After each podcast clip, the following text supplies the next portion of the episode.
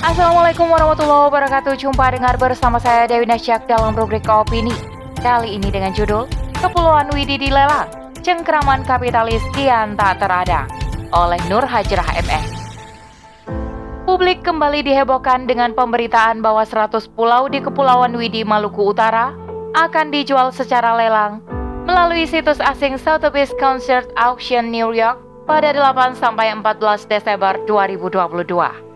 Kepulauan Widi merupakan cagar alam tidak berpenghuni. Kepulauan Widi selama ini dikelola oleh pihak swasta, yaitu PT Leadership Island Indonesia yang telah memiliki izin pengelolaan dari pemerintah setempat sejak 27 Juni 2015. Namun, berdasarkan laporan perusahaan tersebut belum banyak melakukan pembangunan di kawasan tersebut. PT LII pun angkat bicara terkait pemberitaan tersebut. LII membantah kabar pelelangan Kepulauan Widi. Seperti yang telah dijelaskan sebelumnya, bahwa Kepulauan Widi merupakan kawasan yang dikelola PT LII dan belum banyak pembangunan di kawasan tersebut. Atas dasar inilah, LII berupaya untuk mengembangkan Kepulauan Widi dengan cara menjalin kerjasama dengan Sotheby's Concert Auction. LII berharap dengan menjalin kerjasama dengan pihak SCO bisa membantu menemukan mitra kerjasama atau investor bagi pembangunan di wilayah kepulauan tersebut, khususnya dalam sektor pariwisata dan konservasi serta pemberdayaan masyarakat. Sungguh miris, lagi-lagi dengan alasan mencari investor. 100 pulau Indonesia sampai terpampang dijual di situs lelang Amerika Serikat. Dan mirisnya, hal ini bukan dilakukan pemerintah Indonesia sebagai wakil rakyat sang pemilik aset, tetapi dilakukan pihak swasta yaitu PT LII sendiri. Kepemilikan Kepulauan Widi tersebut memang atas nama Indonesia, namun yang sangat disayangkan, kepulauan ini dipercayakan untuk dikelola pihak swasta. Bahkan, tidak ada hukum yang melarang mereka untuk mengelolanya. Ini artinya dalam segi pemanfaatan, potensi serta keuntungannya lebih banyak didapatkan pihak swasta dibandingkan masyarakat atau negara sang pemiliknya. Negara hanya mendapatkan sebagian kecil saja berupa pembayaran pajak dan beberapa kewajiban pembayaran lainnya. Tetapi untuk hasil keuntungan, sebagian besar adalah milik pihak swasta. Iya, suka tidak suka, mau tidak mau, inilah aturan mainnya. Padahal jika kembali merujuk pada Undang-Undang Dasar 1945, pasal 33 ayat 3 yang berbunyi, bumi dan air dan kekayaan alam yang terkandung di dalamnya dikuasai negara dan dipergunakan untuk sebesar-besar kemakmuran rakyat. Faktanya, pulau-pulau kecil yang ada di Indonesia banyak dikelola oleh pihak swasta dan tentu saja mereka pasti mencari keuntungan untuk pribadi bukan untuk rakyat. Hanya dengan bermodalkan surat izin dari pemerintah, pihak swasta ini justru menyalahgunakannya dengan mencari pihak asing untuk diajak bekerja sama dan atau membeli pulau tersebut. Bahkan, sampai mengeluarkan persyaratan dengan memberikan deposito sebesar 1,5 miliar rupiah sebagai tanda keseriusan. Miris bukan? Tanah Ibu Pertiwi dalam pandangan mereka hanya seperti jualan di pasaran yang dapat diobral. Tanah Ibu Pertiwi, tanah kelahiran, dijual begitu saja tanpa merasa bersalah apalagi berdosa. Bukankah ini suatu bentuk pengkhianatan dan suatu bentuk kedurhakaan terhadap Ibu Pertiwi? Lantas ke manakah mereka yang mengaku mencintai tanah airnya? Tidakkah mereka melihat Ibu Pertiwi sedang menangis, dijajah, dan dijarah oleh asing karena kesalahan anak-anaknya sendiri? Selama satu negara menjadikan urusan duniawi atau asas manfaat menjadi tujuan utamanya, maka kejadian seperti ini bukan tidak mungkin akan terjadi secara berulang-ulang. Buktinya, sebelum kasus Kepulauan Widi, sudah pernah terjadi kasus yang sama. Ada beberapa pulau di Indonesia yang pernah dijual secara online di situs asing. Berikut adalah beberapa pulau yang pernah dijual di situs asing. Pulau Sumba di NTT, Pulau Ajab di Bintan, Kepulauan Riau, tiga pulau di Kepulauan Mentawai, Pulau Tojo Una-Una di Sulawesi Tengah, Pulau Kelor Labuan Bajo di NTT, Pulau Pendek di Buton, Sulawesi Tenggara, dan masih banyak lagi pulau lainnya yang pernah terpampang dijual dalam situs online. Beginilah penampakan dari sistem kapitalis. Aset-aset negara yang seharusnya dikelola oleh negara untuk kemaslahatan umat justru dengan mudahnya diberikan dan dipercayakan pengelolaannya kepada pihak swasta dan asing. Dengan iming-iming investor dan kerjasama, perjanjian pun dibuat dan ditanda tangani. Katanya untuk kepentingan rakyat, Namun pada faktanya sampai hari ini masyarakat masih jauh dari kata makmur. Lihatlah, sudah berapa banyak investor yang masuk ke negeri ini. Adakah mereka benar-benar serius dan ikhlas membantu demi terwujudnya kesejahteraan masyarakat? Tentu saja tidak, karena apa yang mereka berikan untuk negeri ini pasti ada maksud dan tujuannya. Ya, tidak ada makan siang gratis, alias no freelance. Apa yang mereka berikan tentu harus dibalas dengan hal yang bermanfaat bagi mereka khususnya terkait materi. Mereka tidak pernah memikirkan dampak dan resiko apa yang akan terjadi bagi masyarakat dan lingkungan sekitar.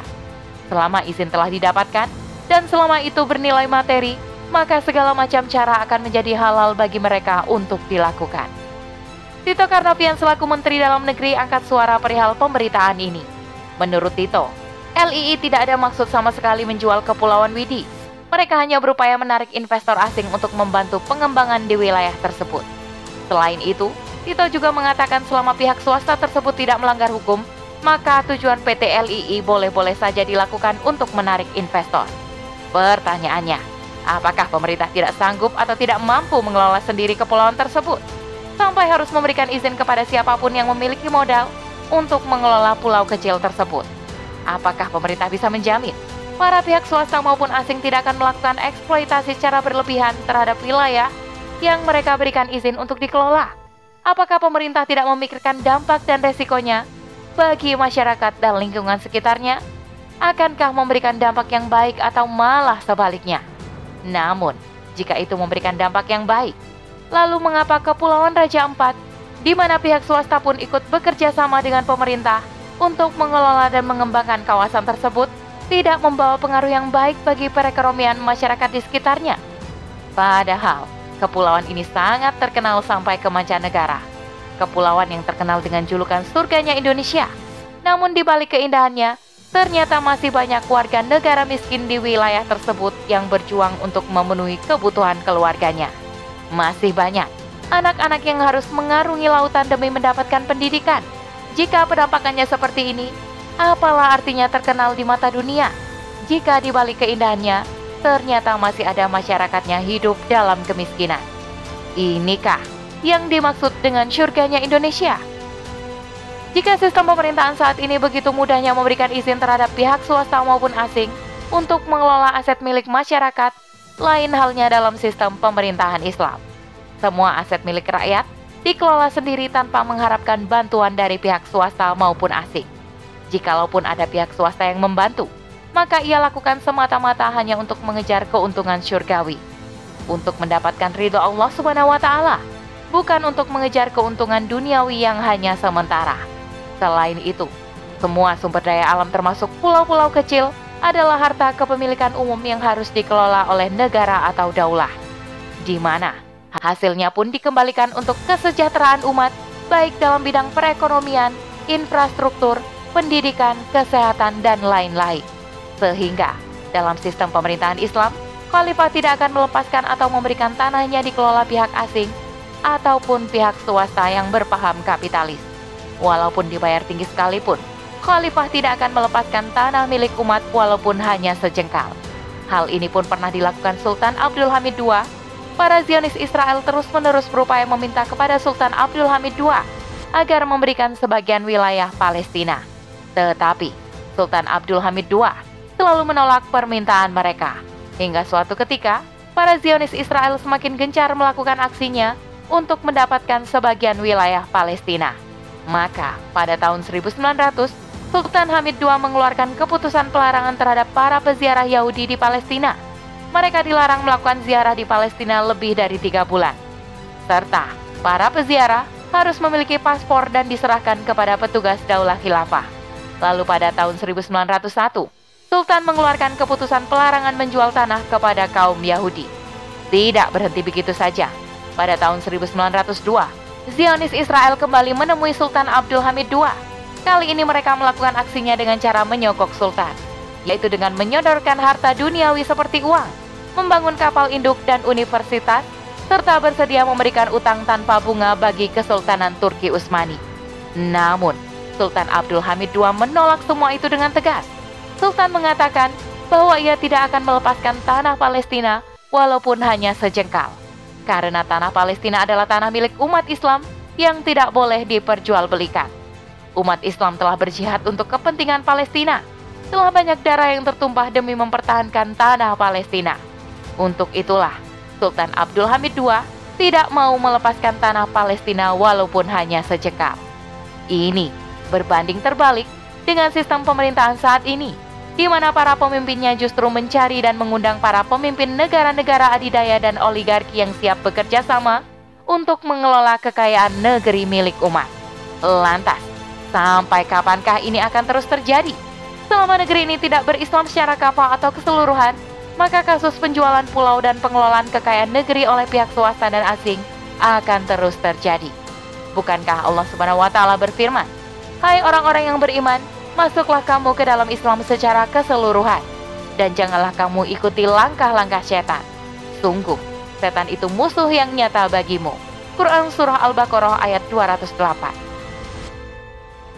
Ini berarti, berislam secara kafah itu bukan hanya menjalankan syariat Islam dalam ranah individu saja, melainkan dalam hal bernegara pun, syariat Islam sangat perlu ditegakkan.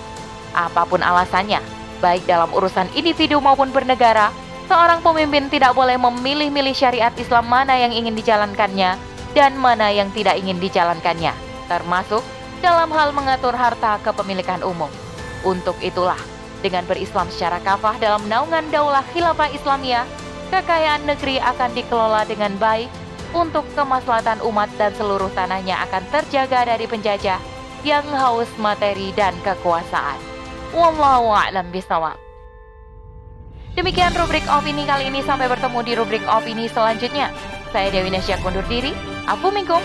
Wassalamualaikum warahmatullahi wabarakatuh.